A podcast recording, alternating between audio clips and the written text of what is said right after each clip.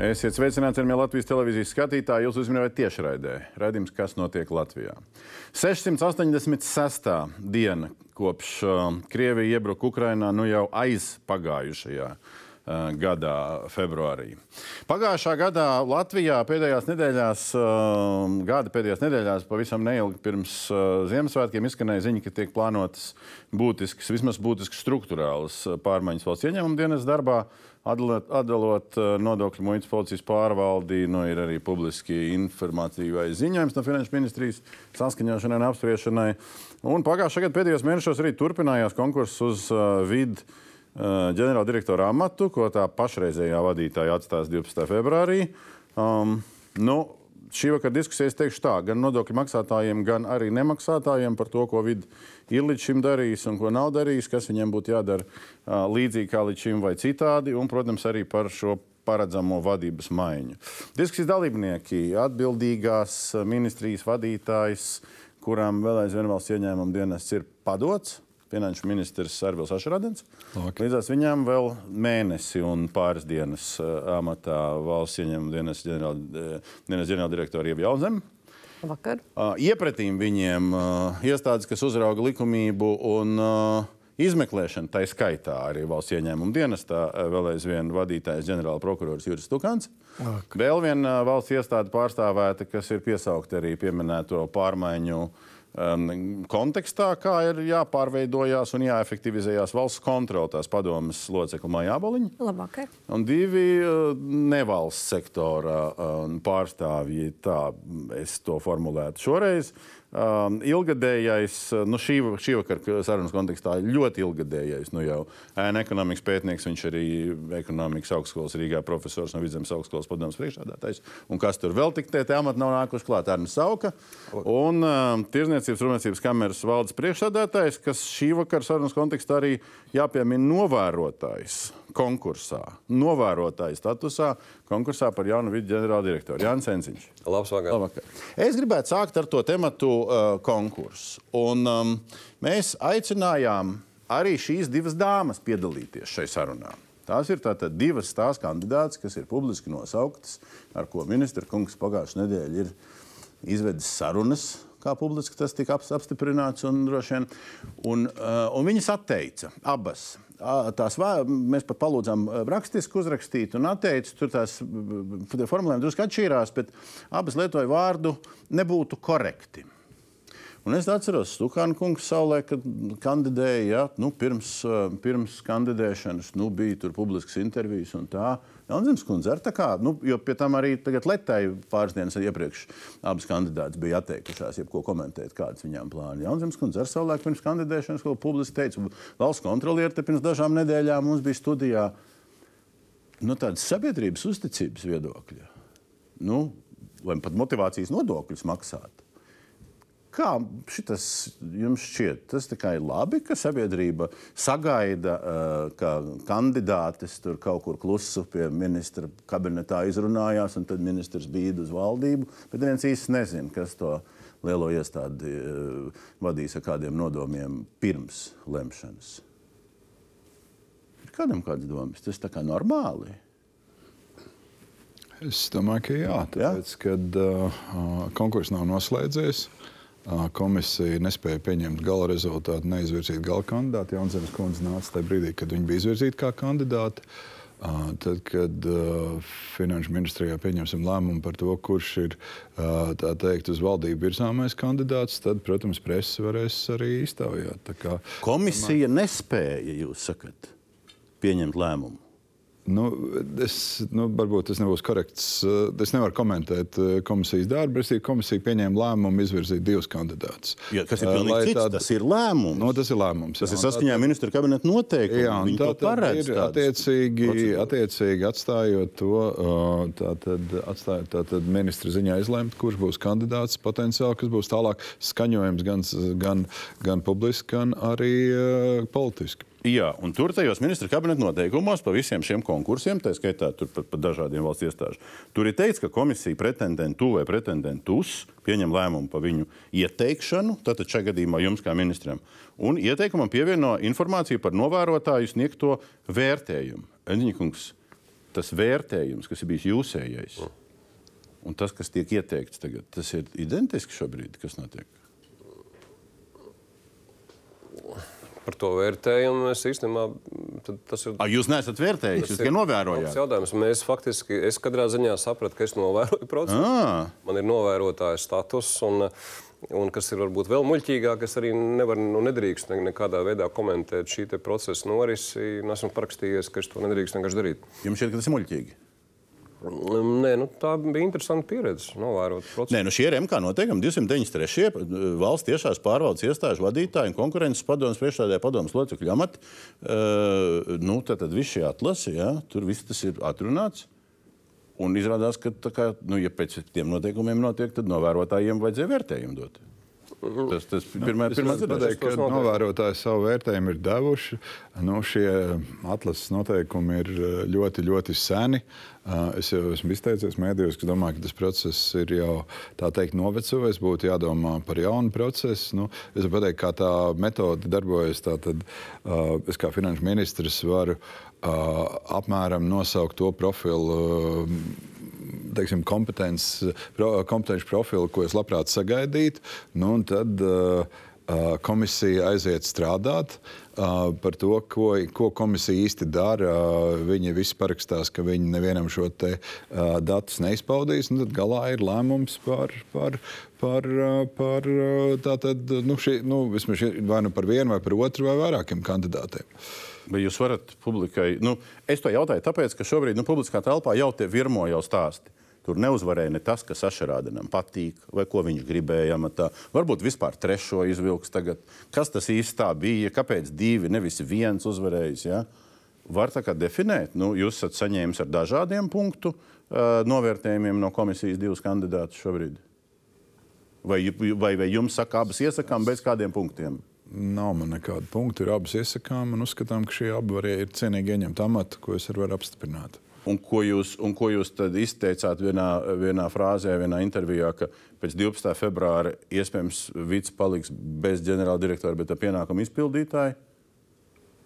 Tas tā kā no kurienes? Eh, es ļoti daudz dzirdu ļoti, ļoti, ļoti nepamatotas mediju spekulācijas par to, ka ir vēl kādi kandidāti vai vēl kaut kas. Eh, tas, kas notiek, ir tātad esmu tātad pats rūpīgi intervējis šos abus kandidātus, arī iznāca ārā ar preses paziņojumu, ka abi ir cienīgi ieņemt šo amatu. Tad uh, esmu lūdzis šos kandidātus intervēt darba devējiem, kā sociālajiem partneriem, un es aicināju pārējos sociālos partnerus runāt. Tad mums ir bijuši gari sarunu raundi arī ar darba devējiem par vēlamo rezultātu un vēlamo kandidātu. Tātad, un rītā es plānoju pēdējo izšķirošo sarunu raundu ar to pēc tam tiem uzdevumiem, ko mēs redzam, ko mēs sagaidītu no valsts ieņēmuma dienesta. Bija mans redzējums, tad klausījos arī darbdevējs kā, nu, kā galvenos nodokļu maksātājs, ko arī viņi redz. Un tad uh, pēc šīs uzklausīšanas, vai nu rītvakar, vai, vai, uh, vai parīt, tiks pieņemts galējais lēmums par galējo kandidātu. Viena no šīm divām, no nepieļaujot, ka viņas abas jūs varētu noraidīt. Viena no šīm divām. Viena no šīm divām. Ģenerālprokurors komentē, kā vidam tālāk jāstrādā, bet, bet tikai kā pilsonis ir vērotājs, kā vidam izvēlās vadību. Es tur neko nepiedalījos. Es pat šos notiekumus nelasīju, jo man nebija tādas vajadzības. Es piedalījos citos konkursos, FIDA, KNABA. Tur bija daudz vienkāršāk un saprotamāk. Vai nu komisija izvirzā, vai neizvirzā. Nu, ja tur ir pieļauts, ka ir varianti, un bez komisijas strādā kāds cits, droši vien tāda ir tā kārtībā. Un šeit varbūt ministram taisnība varbūt vajadzētu pārskatīt un skaidri pateikt, kurš eh, vai komisija pieņem lēmumu, vai vienpersoniski ministrs, vai valdība. Varbūt pat divus jāliek uz valdības balsošanu.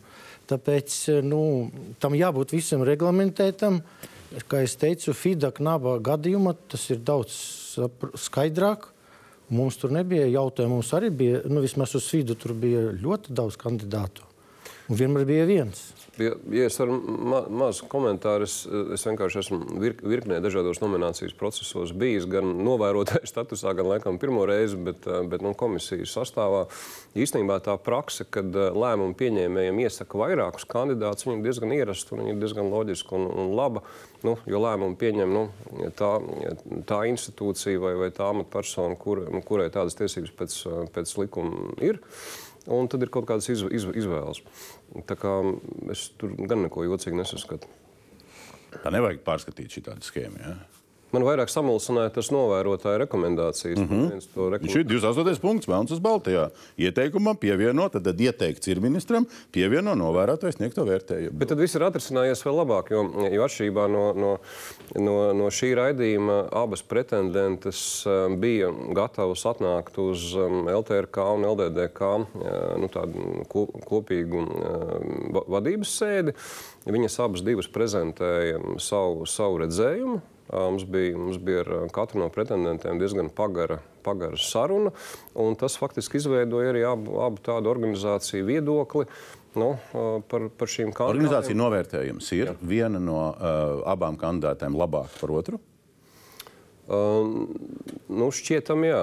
Šķietam, jā. Arī noslēpums arī neteiksiet. Nu, es, mēs par to iekšā ne, neesam, neesam runājuši. Bet katrā ziņā ar visām tām pārdomām, kuras, nu, kuras mums radās, radās pēc diskusijām ar abām kandidātēm, par tām patiešām mēs, mēs tikāmies ar, Ašerādienu kungu. Un, un, un, un tas nozīmē, ka sabiedrība jau redz no, uzņēmēja intereses un visas sabiedrības intereses. Tās nav vienādas intereses. Tās var būt ļoti dažādas intereses. Un novērotāji šajā konkursā, kāpēc es sēžu šī temata?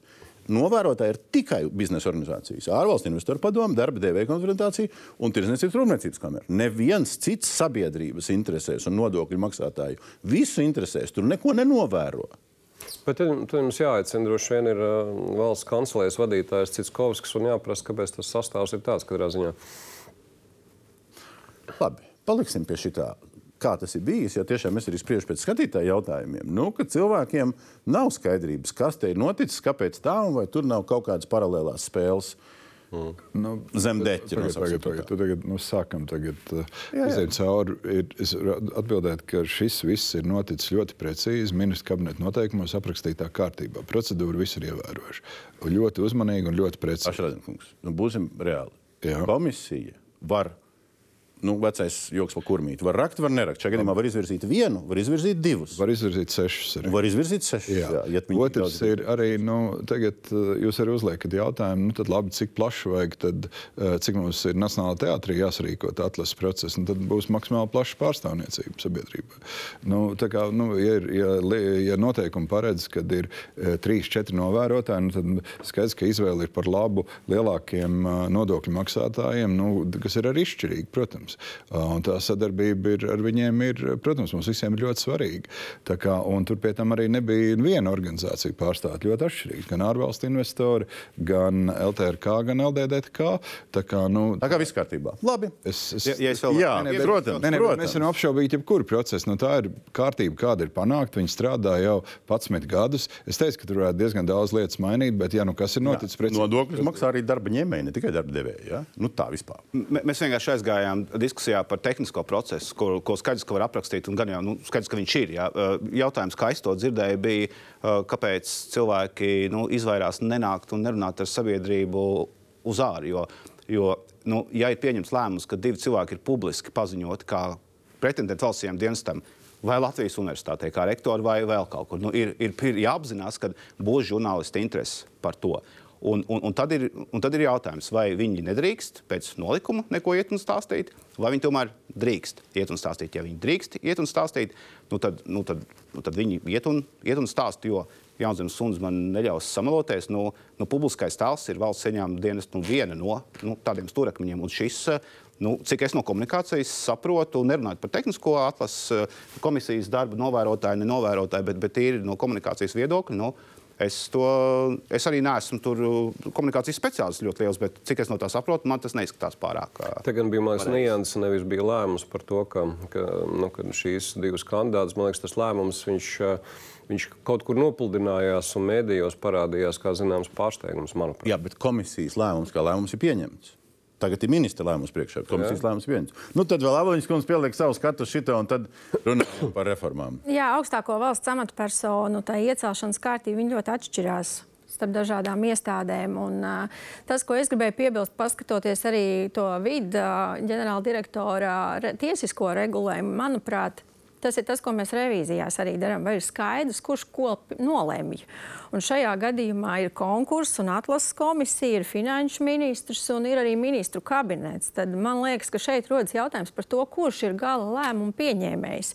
Un ja konkursu kārtībā komisija noteikti vadās pēc kaut kādiem profesionāliem kritērijiem, vērtējot kompetences, vērtējot strateģisko redzējumu, novērotājs noteikti seko līdz tam, vai tas objektīvi arī notiek tā, kā ir paredzēts tad uh, nav jau arī skaidrība, kas ir tā uh, lēmuma pieņemšanas kompetence finanšu ministram un ministru kabinetam, ar ko Jūs viņi atšķirās. Kaut ko jaunu vērtējat, atšķirīgi kā komisija vērtēja? Es, man likums neparedz, noteikumi neparedz man iespēju piedalīties komisijas darbā. Nē, ne, bet tagad pēc komisijas. Es tiešām nevaru. Jūs vienkārši tā kā no, no, no jauna. Nē, tas nav no jauna. Es atvainojos. Nu, es saņēmu komisijas materiālu, to, ko viņi darīs. Nu, pašlaik ir, nu, es, es drīzāk teiktu, līdzīgi kā Enziņkungs saka, šis konkurss vēl nav noslēdzies. Tas mans pienākums ir izvirzīt kandidātu kandidātu. Un tad sākās vērtējums, ir uh, gan sabiedrisks, gan politisks vērtējums. Es uzskatīju, lai šādi pieņemtu lēmumu par kandidātu, ka man ir ļoti svarīgs valdības sociālo partneru vērtējums. Nu tā, tad ir šo lēmumu, tikko tas būs iespējams, tā es arī pieņemšu. Tad kandidāts, tajā brīdī, kad būs nominēts kandidāts, tad viņš arī nonāks publiskajā vērtējumā. Ar, tagad es vienkārši gribu teikt, ka nu, tādā varbūt, kad ir, lai tas process noslēdzās, un tad tiešām var vērtēt šo kandidātu. Ja. Vēl viens komentārs. Tu nevari kont tu, tu nevar kontrolēt, vai to cilvēku zina. Kas iet uz valsts ieņēmuma dienestu? Man nav jākontrolē. Es vienkārši mēģinu konsultēties ar partneriem, kas ir izšķirīgi šajā jautājumā, lai pieņemtu lēmumu. Nu, visticamāk, man būs jāpieņem lēmums par kandidātu. Nu, tad tālāk valdība pati lems, tad būs uh, politiskās frakcijas, būs dažādi viedokļi par to. Nu, tad skatīsimies. Vai, tad ir jāizliedz. Mans risks ir vai šādu, vai, šādu, vai šādu kandidātu atbalstīt. Jā, nu. Es varbūt. Nu, Tīri kā, kā šīs iestādes vadītāja šobrīd man nebija šīs dilemmas, jo es ar atrāvienu minēju iepriekšējo konkursu. Ministram viņš, protams, varēja nenominēt, bet nu, tā tas bija. Bet, ja mēs runājam, man liekas, ka ļoti slikts bija ceturtdien. Es neko nesaku par panorāmas sižetu, bet tas bija ļoti slikti Kāpēc? priekš šī konkursa. Uh, Pirmkārt, man ļoti, es domāju, ne man vienai šo raidījumu, protams, klausās, skatās, un toreiz skatījās visi vidi darbinieki. Un es uzskatu, ka tā konfrontācija starp privāto sektoru un valsts pārvaldi bija pilnīgi lieka, jo, ja mēs runājam par, ir amati, kas ir misijas amati. Viņi teiksim, es arī nācu uz šo darbu ne jau dēļ peļņas, dēļ, dēļ. Es nācu no, ar algu arī viss kārtībā. Uh, nu, man, man atvainojas, viss kārtībā. Nē, manā gadījumā algu maksāja 3700 nu, eiro. Ja? Un es ar tādu algu, nu, paldies Ašām, nostrādāju lielāko daļu sava laika. Bet ne par to. Ko Bet ne par to. Es gribēju pateikt to, ka ir misijas, ja? un es domāju, ka ja abas dāmas ir pieteikušās, tad pateikt par viņām, ziniet, mums nekas nesanāca.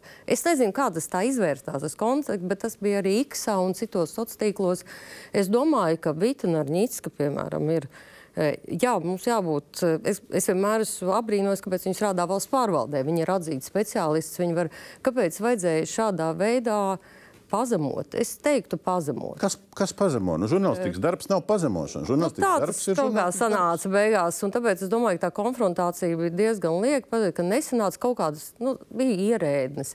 Viņas ir cilvēks nāk uz misijas darbu, viņš vēlas darīt labu, viņš ir redzis to redzējumu, ir izskaidrojis visiem. Es izstāstu tikai savas jā, nē, bet, Jaunzems, kundz, nu, bet, bet būsim godīgi. Nu, sabiedrības priekšā amatpersonām un politiķiem nu, ir atbildība pārliecināt katru dienu sabiedrību caur mēdījiem vai pat tiešo ar kādiem līdzekļiem. Nevis klausīties, ka jūs sakat, viņas nāk uz misijas darbu. Kā mēs varam zināt, ka viņas nāk uz misijas darbu? Mēs es nevaram zināt. Pieņemu, ka pirms tās sestdienas, jā, es tiešām piekrītu, mani aicināja visur. Man bija iespēja izteikties jā. visur, kur viens pret vienu, laikam visur bija, visur bija intervijas. Viņām šāda iespēja, es nezinu, vai viņas tika aicinātas pirms jūsu raidījuma arī uz kādu citu raidījumu. Nu, Leta rakstīja, ka viņas ir atteikušās arī tur dot. Bet tas bija pēc komentārus. sestdienas. Tas bija pēc sestdienas. Nu, es nepateikšu datumu. Jā, es, Bet labi. Es, es vēl jau vairāk būtu gājis. Ja, ja man vietā dubļiem, es ietu un stāstītu Nē, nu, par savu misiju. savādāk. kā, nu, Bet, nu, bet, nu, es Viņi atceros, savus var. Pirmo reizi, kad es biju šajā raidījumā, sen, sen atpakaļ, es, nu, man liekas, tur es biju vienkārši slapjš. Un, un bija bail, reāli bija bail nākt uz raidījumu. Tā bija. Nē, nu, Tagad vairs nav. Nē, nu, šobrīd, šobrīd tik traki vairs nav. Bet, uh, nē, nu, es, uh, šis ir ļoti sarežģīts. Uh, jūs uzdodat sarežģīts jautājums, un, un, un, un lēmumi vēl nav pieņemti. un Tas, Ja, šeit ir ļoti vienkārši. Ja jūs liktu amatpersonas izvēlēt sabiedrībai, tad lielāko daļu apmētātu ar akmeņiem un neizvēlētu. Tas gan taisnība. Līdz ar to publiska izvēlēšanas eh, neder visur. Kaut vai ļoti vienkārši, ja mēs runājam par augstākas tiesas priekšsēdētāju, izvēles augstākas tiesas tiesneši. Un nav tur ne sabiedrības, nekāda cita novērotāja. Līdz ar to nu, nevar to arī padarīt par tādu šovu vai teātri. Un, manuprāt, ļoti pareizi ir kārtībā, ir atbildīgas amatpersonas, būs tas cilvēks viens. Un tad lūdzu, tad, lai tad viņš stāsta, kā viņš to redz. Un redziet, um, var arī šovus un stāstīt, ko gribi.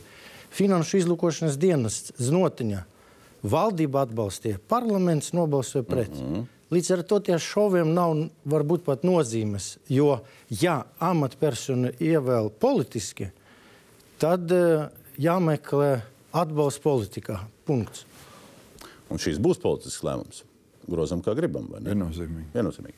Labi, uh, bija iesēdāmies pa ilgu, bet lai kurš būs vai kura būs vadītājs, uh, uh, priekšā ir šī. Uh, nu, tas ir fragments, viena vien, uh, bilde no Arvila Ašarādena parakstītā informatīvā ziņojuma, nu, šobrīd projekta apspriešanā, kur tā sarkanā līnija saka, ka no finanšu Tātad esošās situācijas, kur finanšu ministrijas padotībā ir viss vits, un tālāk viņam apakšā ir gan, gan nodokļi, gan muita, gan, gan policija, nodokļu muitas policija. Tā tiek dalīta nost. Nu, plusi mīnus. Aš, tātad Dažrādien kungs arī un Zdukāna kungs šeit mēs uh, aprīlī um, diskutējām, un Enziņa kungs bija tajā pašā raidījumā, un diskutējām, un, un šito drusku tā pieminējām. Rezultātā tas, kas šobrīd tiek piedāvāts, šādi nodalīt, un Finanšu ministrijas padotībā divas iestādes - valsts ieņēmuma dienests un nodokļu muitas policijas pārvalde, kas, nu, lai skatītāji nu, aptvertu tos apjomus, divreiz vairāk darbinieku nekā knabā. Divreiz vairāk skatoties pēc oficiāliem datiem. Ja? Nu, tā ir milzīga milzi iestāde, ja, ja es neko nejaucu. Vai tas, kas šobrīd notiek, tas ir tas, ko jūs gribējāt? Mm -mm. Jo? Es gribētu, lai uh, Latvija izveidotu vienu finanšu pārvaldi, spēcīgu, kur būtu tiešām finansisti, izmeklētāji, operatīvi darbinieki, analītiķi un uh, ar atbilstošu novērtējumu, jo mums šobrīd analītiķis iedod ziņojumu, apraksta, kā būtu, ja būtu, un iedot izmeklētājiem par 1000 eiro, pat mazāk. Nu, lūdzu, tagad pierādiet to visu. Līdz ar to tas ir, kā šodien arī saimā runājam, e, nu, es nezinu, kāds būs tas otrais solis, bet tas solis bija jā, jāspēr. Un e, es pat teiktu tā, ka veidojot vidā šo policijas pārvaldi, tā bija kļūda, jo šodien mums ir 11 vairāk institūcijas, un katra izmeklētājam ir atšķirīgs sociālais e, nodrošinājums vienā milzīgā valstī. Latvijā. Nu, kur vēl lielāko, interesantāku sistēmu var, varēja izveidot? Bet šobrīd, kā ir izveidojies, tādā situācijā mēs esam. Tad jūs sakat, ka šim vajadzēja saplūst kopā ar, uh, ko, ar policiju? Nu, redziet, nevar to izdarīt tik vienkārši, kā varbūt es to būtu izdarījis, tāpēc, ka mm, nav naudas. Viņi ir visnabadzīgākie. Un, lai viņus kaut kur pievienot, vajag milzīgu naudu. Līdz ar to neviens negrib paņemt tos nabagos, nu, atstāja finanšu ministrijai. Valsts kontrolas uh, revizijas ziņojumu, nu, diviem, bet šajā gadījumā primāri par izmeklēšanas iestādēm pieminētajām, kur pirms uh, mēneša jūs te drusku pastrīdējāties par to, vai labs vai slikts ziņojums. Arī ir atsaucis daudz uh, šajā projektā. Līdzīgs jautājums. Tas ir tas, ko jūs. Uh, būtu gribējuši un, un gribējāt redzēt?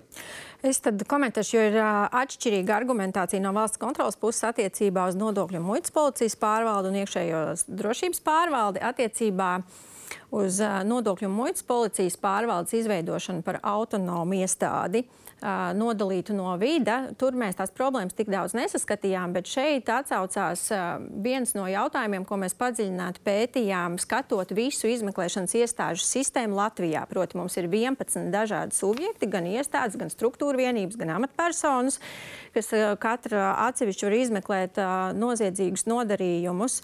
Un, uh, mēs vērtējām, vai valstī mums ir kādreiz bijis tāds konceptuāls, tiešām gan ieguvumos, gan vājajās pusēs, gan kompetencēs balstīts konceptuāls izvērtējums par to, kā mums Latvijā ir jāveido izmeklēšanas iestāžu struktūra un ka mēs esam nonākuši pie šiem 11 subjektiem. Un secinājums ir, ka nē, mums pirmkārt viņš ir izveidojies vēsturiski.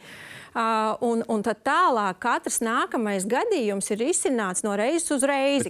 Šī reize ir kārtējā no reizes uz reizi slikta vai no reizes uz reizi laba, pareizā virzienā? Tieši divi varianti. Es domāju, ka tā argumentācija nav tik uh, vispārīgi, kā mums viņu gribētos redzēt, vai to var darīt, jā, bet es arī piekrītu tam, kas jau ir izskanējis, kad uh, nu, prasītos tie nākamie soļi, tā, tas, tas gala punkts, uz ko mēs ejam, kas ir tas vēlamais rezultāts attiecībā uz nodokļu muitas politikas vispār. Saugskungs arī ir izlasījis to uh, dokumentu. Es gan gribētu šeit atzīmēt, ka viņam virsraksts ir nevis par uh, konkrētu reformu nodalot vienu struktūrienību, bet viņam virsraksts ļoti ietverošs par valsts ieņēmuma dienas darbības pilnveidas pasākumiem, bet viņš aiziet tikai šajā jautājumā. Tur ir, tur, ir daudz, tur ir daudz labas lietas. Uh, mēs jau tajā skatījumā runājām. Nu, es, kā, es kā zinātnieks, kur, kurš māca un mācos rakstīt, uh, nu, tur ir ļoti gari teikumi. Un, un gari teikumi tas ir viens no veidiem, kā, kā ļoti grūti likt sev saprast. Jā, nu, Būs labreizēm ir, ir teikumi, tur gramatikas paraugs. Paraug nu, labi, tā ir forma. Tā ir forma. Par, par, par saturu runājot, nu, tas, kas man noteikti patīk, cik es no šī saprotu, no organizatoriskā, ir, kad no finanšu ministra tiešās pāraudzības tas viss pāriet uz finanšu ministriju. Citādāk, finanšu ministrs, nu, es nezinu, kā tev vispār bija laiks pirms tam kaut ko citu darīt, jo tu esi vidam. Cik ir tūkstoši cilvēki? Ja? Tur padome, valde, nu, uzņēmēji valodā runājot. Nu, nu, citam nevar palikt laika. Nu, tas bija, es nezinu, kādā. Es, kad pirmo reizi to uzzināju, es apsēdos, jo man, man, mana fantāzija neaiziet tik tālu, ka kāds var aizdomāties, ka vienam cilvēkam ir jāpakļauj vesels dienas. Tur ir, tur ir citu, arī korupcijas, un pie tam politiska persona. Es nerunāju par tevi specifiski, bet jebkuru. Nu, nu, ieliek politisku personu augstskolai par vadītāju vai, vai vēl kaut kur. Nu, par ko tad reāli politiska atbildība? No tā secinājums par šo versiju, ka tagad ir nevis vienam cilvēkam, bet šī viena cilvēka vadītajai ministrijai nu. Nu, politiski, vadīt, politiski vadība ir ministrs. Ministrija jau vada arī, arī ierēdniecību. Tas ir stipri, stipri savādāk. Tā, tā vairs nav tāda veida tieša pakļautība kārtību, kā es to saprotu. Un dēļ šīs kaut vai vienas lietas, tas ir Tas ir, tas ir, labi, tas ir ok. Tas kas, tas, kas tur nav ok, tur ļoti daudz kas ir runāts par uh, partnerību, ir, ir vārds. Uh, partnerības, sadarbība.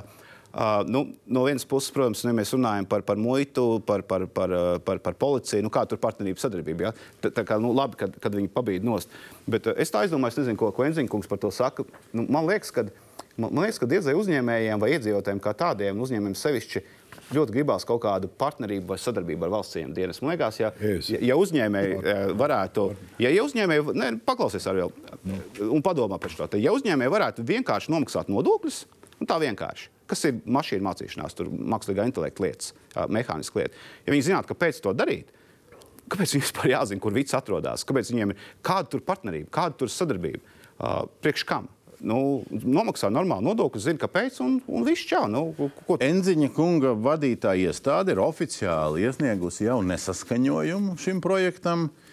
Citēju, LTRK pauž bažas par jaunas tiesību sargājošas iestādes izveidi. Jo? Es varbūt paskaidrošu. Vispirms man jāsaka, ka, ka to konceptu mēs faktiski paši kā Tirdzniecības rūpniecības kamera esam, esam rekomendējuši jau diezgan sen. Man šķiet, es to paudu arī pagājušā gada raidījumā šeit pat studijā. Tā kā tas, tas virziens, ka vajag no valsts ieņēmuma dienas struktūras ņemt ārā nu, tās spēka struktūras, ir absolūti pareizs un, un mums ir tiešām prieks, un tas arī tajā mūsu atzinumā ir, ir iekšā.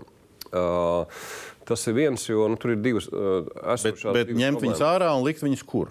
Bet, un tie iebildumi, tā sadaļa vai priekšlikuma sadaļa, kas arī ir, kas arī ir iekšā, faktiski nu, tas ir, teiktu, nu, nākamā līmeņa jautājums, bet tomēr, protams, pietiekami būtisks. Un, um, loģiskāk būtu, un šķiet, Stukāna kungs arī minēja, ka faktiski tās spēka struktūras, ka viņas nu, saplūst kopā. Konsolidējās. Ar, konsolidējās, jau saplūst ar citām daļai. Tas ir izdarīts iekšējās drošības pārvaldu uz knābu, kas, nu, kas ir viens. Bet, bet tad ir jautājums, kāpēc ne šī nodokļu muitas administrācija nesaplūst ar valsts policijas struktūrām, kas liktos loģiskāk. Ašrādiekungs, pirms jūs atbildat, fragments īsts no tā raidījuma pavasarī, uh, kur arī jūs bijāt par konsolidāciju. Šobrīd mēs runājam par iekšlietu ministriju, apsveram un diskutējam, vai nebūtu e- jēdzīgi skatīties šo izmeklēšanas dienas konsolidāciju. Toreiz runājāt, un tagad esat izrunājuši, ka nekonsolidēsim. Jā, es pirms gribētu runāt par to, kāpēc tā reforma vispār ir vajadzīga. Un, un tad es gribētu drusku oponēt uh, profesoram Saukam par šo. Pēc par šito uh, nekonsolidēšanu arī? Es, protams, jā, es pateikšu, tā būs otrā daļa. Uh, tā pirmā lieta ir, ir ļoti svarīga. Un, ja mēs skatāmies, tad uh, Saukskungs ir, nu, mēs skatāmies visu veidu rokas grāmatas, kas attiecās uz valsts ieņēmuma dienestu, valsts nodokļu administrāciju evolūciju.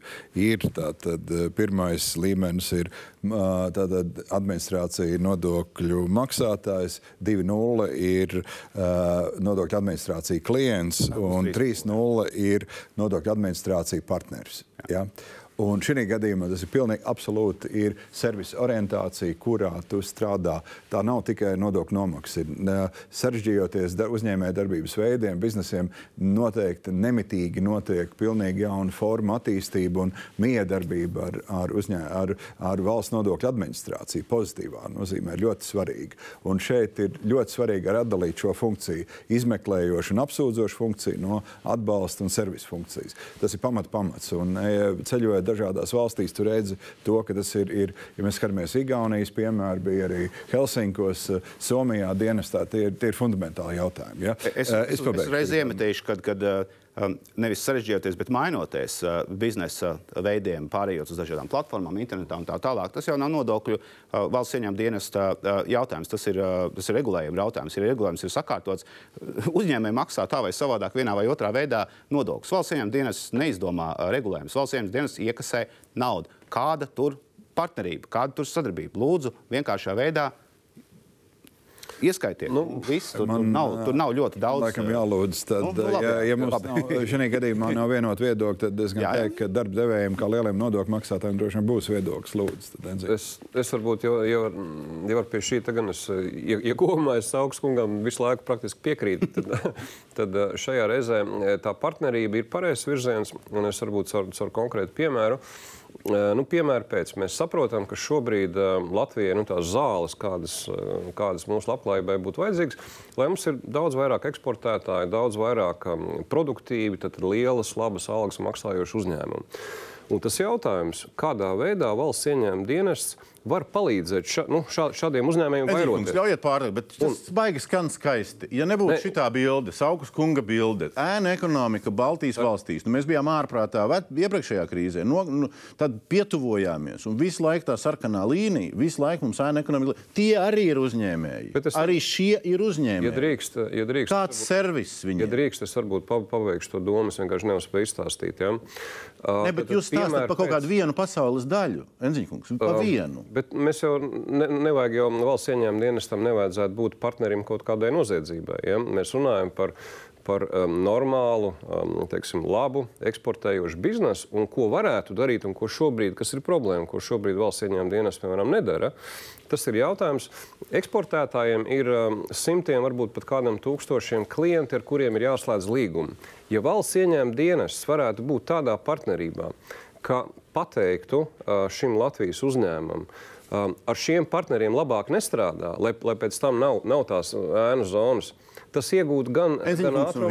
Es mēģināšu kaut kā pagriezt to bildi. Mēs, mēs ejam kaut kur grāvī. Uh, Jānis Kundze neļaus man samalēt. 24. gada budžets valsts ieņēmuma dienestam ir 177 uh, miljoni. Jā.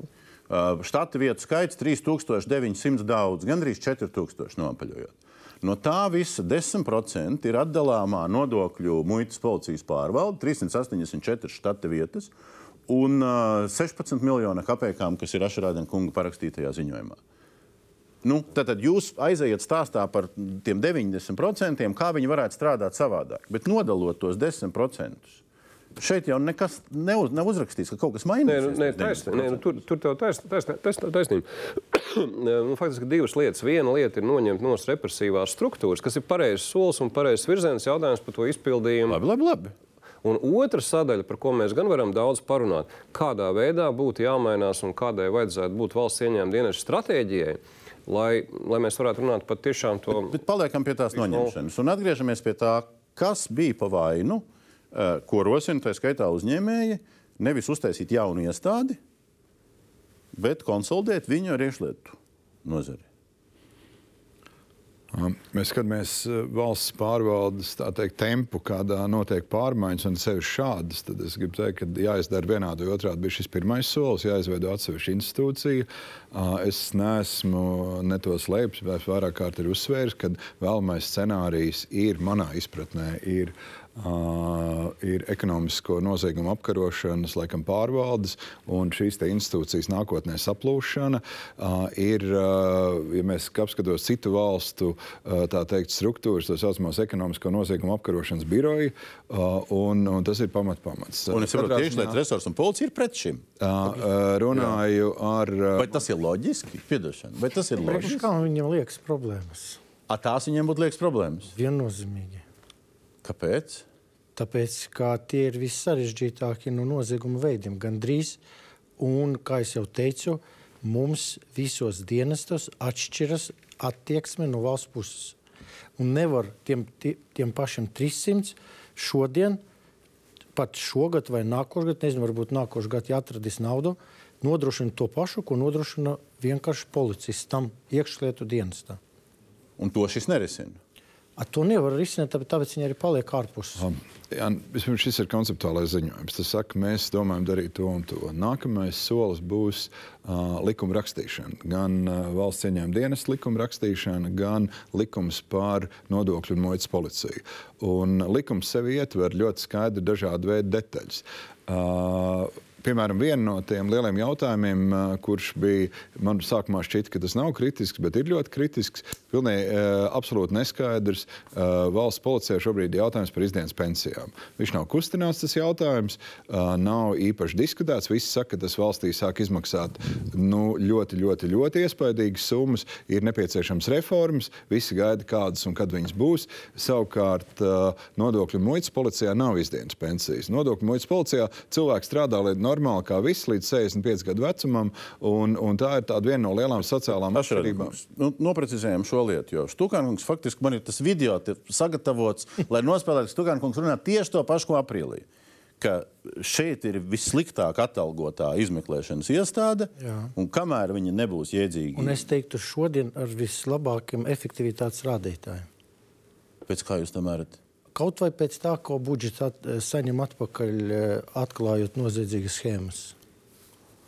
Nu, labi, tur droši vien varētu patiesībā. Bet, labi, bet jebkurā gadījumā ta, ta, to jūs teicāt toreiz, to jūs turpināt teikt tagad. Un tajās 45 lapušu konceptuālajā, bet tomēr 45 lapušu dokumentā nu, ir pašā beigās cipariņi, kuri runā par tiem 16 miljoniem un par atlīdzību 13,4 miljoniem. Nu, tālāk viss tur pārējais, ieskaitot operatīvo darbību un slēpto novērošanu un ko tik vēl nē. Ja? Tad tas nozīmē, ka jūs šeit konceptuāli nerisināt šo jautājumu.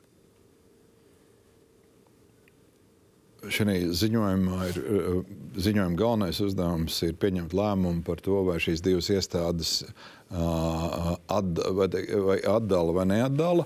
Un, tātad likumā mēs izstrādāsim detalizāciju par to, kas ir tie, jā, nu, teiksim, tā, meklējot atbildes tiem jautājumiem, kas radīsies šajā atdalīšanas procesā, un, un likuma, uzrakstītais likums atbildēs uz viņiem. Jansons, kundze, jūs esat šeit līdzautors, statists, kas vēro, ko ministrija dara.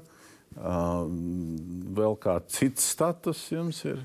Man ir, jā, ja runā manu, kāpēc es šo projektu uzrunāju ministram, Jūs uzrunājāt tieši šādu. Es tieši uzrunāju tieši šādu šo projektu dēļ viena konkrēta iemesla. No manīm paprasīja atbildību par to, kāpēc nodokļu muitas policijā ierosina nepamatot kriminālu procesu. Es atbildēju, ka es atbilstoši kriminālu procesam nevaru uzņemties atbildību, jo es neietekmēju. Un tad es ar vienu izrādījās, ka Petersons kundze jau savā laikā šo domu bija virzījis, jo nav godīgi uzdot iestādes vadītājiem kontrolēt kaut ko tādu, ko viņš nevar pēc likuma kontrolēt. Un, e, tā, tāpēc es arī nācu, to mana loģika ir šāda. Tu, tu vari to, ko vari kontrolēt, Tas tev ir jādara pēc labākās sirdsapziņas, to, to arī izdara. To, bet vai tā finanšu ministrija varēs kontrolēt? Vienalga, prokurori tikai redzēs, Jā, iekšā, bet, kas tur notiek. Bet te varbūt ir cita lieta par to kontrolēšanu. Redziet, no manīm paprasa, lai es kontrolēju. Šajā gadījumā ir skaidrs, ka pāraudzība administratīvā, mēs šeit runājam par administratīvo pāraudzību. Mēs nerunājam par prasību, neviens ministram neprasīs, vai arī valsts sekretāram, vai jebkuram ierēdnim, lai viņš kontrolē krimināla procesa ierosināšanu vai izbeigšanu. Arī caur šo ziņojumu mēs arī dodam sabiedrībai to zināt, ka tur ir pilnīgi citas attiecības. Tur nav administratīvā procesa, tur nav cita produkta, tur ir tikai un vienīgi krimināla procesa, kur ir attiecības starp prokuratūru, iestādes vadību, izmeklētāju un tiešā priekšnieku. Tur ir skaidri tas viss nodalīts. Un, nevi, un ministrs noteikti no nākamā ģenerāla direktora nevarēs atnākt atstādināt no viņa no amata, tāpēc, ka viņš nav uzraudzījis, kāpēc nav pareizi krimināla procesa izmeklēti. Jo viennozīmīgi to viņš nevar izdarīt. Un caur šo mēs vienkārši to arī paskaidrojam. Tas nav tik vienkārši, vienā iestādē ir gan administratīvais, gan krimināla process. Vits laikam ir vienīgā iestāde, kur tā, ne, knabā laikam arī ir dažas šīs funkcijas. Un tas ir, tā ir mana loģika, kāpēc aizstāvu nodokļu muitas administrāciju kā administratīvu iestādi. Un to, kas ir krimināla procesuālā kārtībā, izmeklējums nodalīt atsevišķi, jo iejaukšanās vienalga nav pieļaujama ne no vienas puses. Parunājam drusku lūdzu par to efektivitātes jautājumu, kurš Tukāna kungs mēra tais naudās. Nē, ne tikai. Ne tikai naudā. Skaitā uz vienu, jā, un valsts kontrole nu, arī to izmērīja. Ļoti. Nu, nu, nu, nu, parunājam, jo, jo man liekas, ka te pārfrāzēt varētu to, to, to teicienu par to, nu, vai, vai mainot saskaitāmo summu mainās. Ja? Nu, šajā gadījumā vai pārvietojot tos, tos rāmīšus kaut, kā, kaut kas mainās.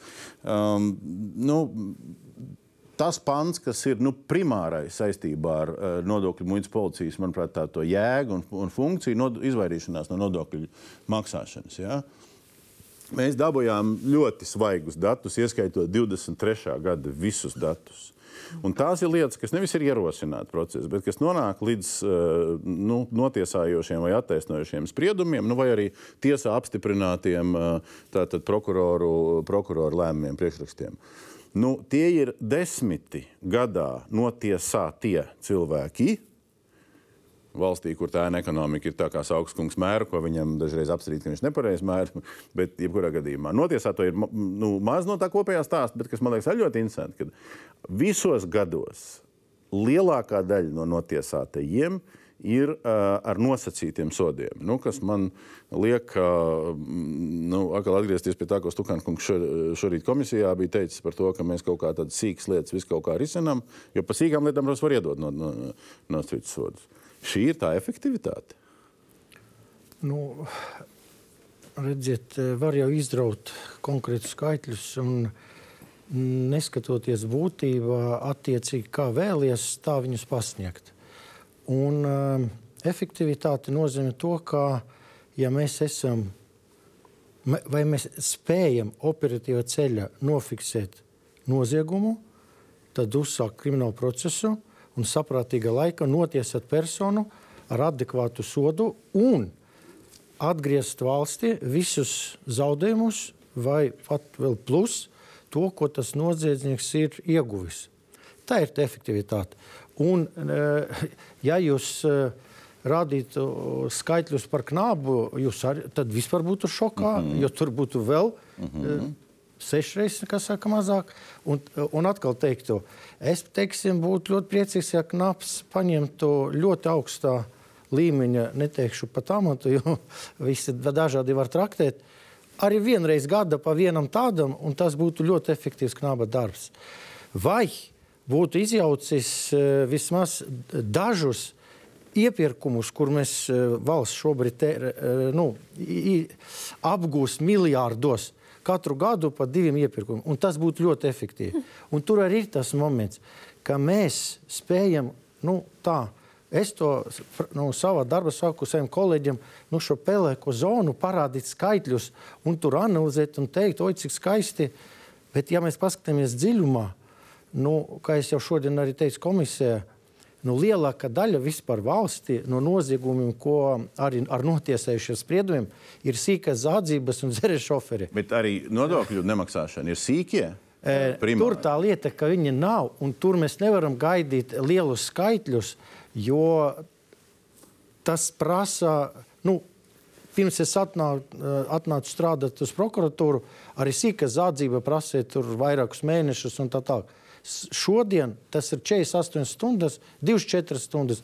Šai lietai vajadzīgi pāris gadi, lai viņa nonāktu līdz tiesai. Un, diemžēl tiesu sistēma arī nespēja nodrošināt, lai tas būtu ātri un efektīvi. Un, ja jūs sakat par nosacītiem sodiem, eh, vēlreiz man vajadzēja apskatīties, bet eh, šodien vai vakar tieši ir nopublicēti 2,5 miljoni nav samaksāt valstī eh, vai mazāk bišķiņ.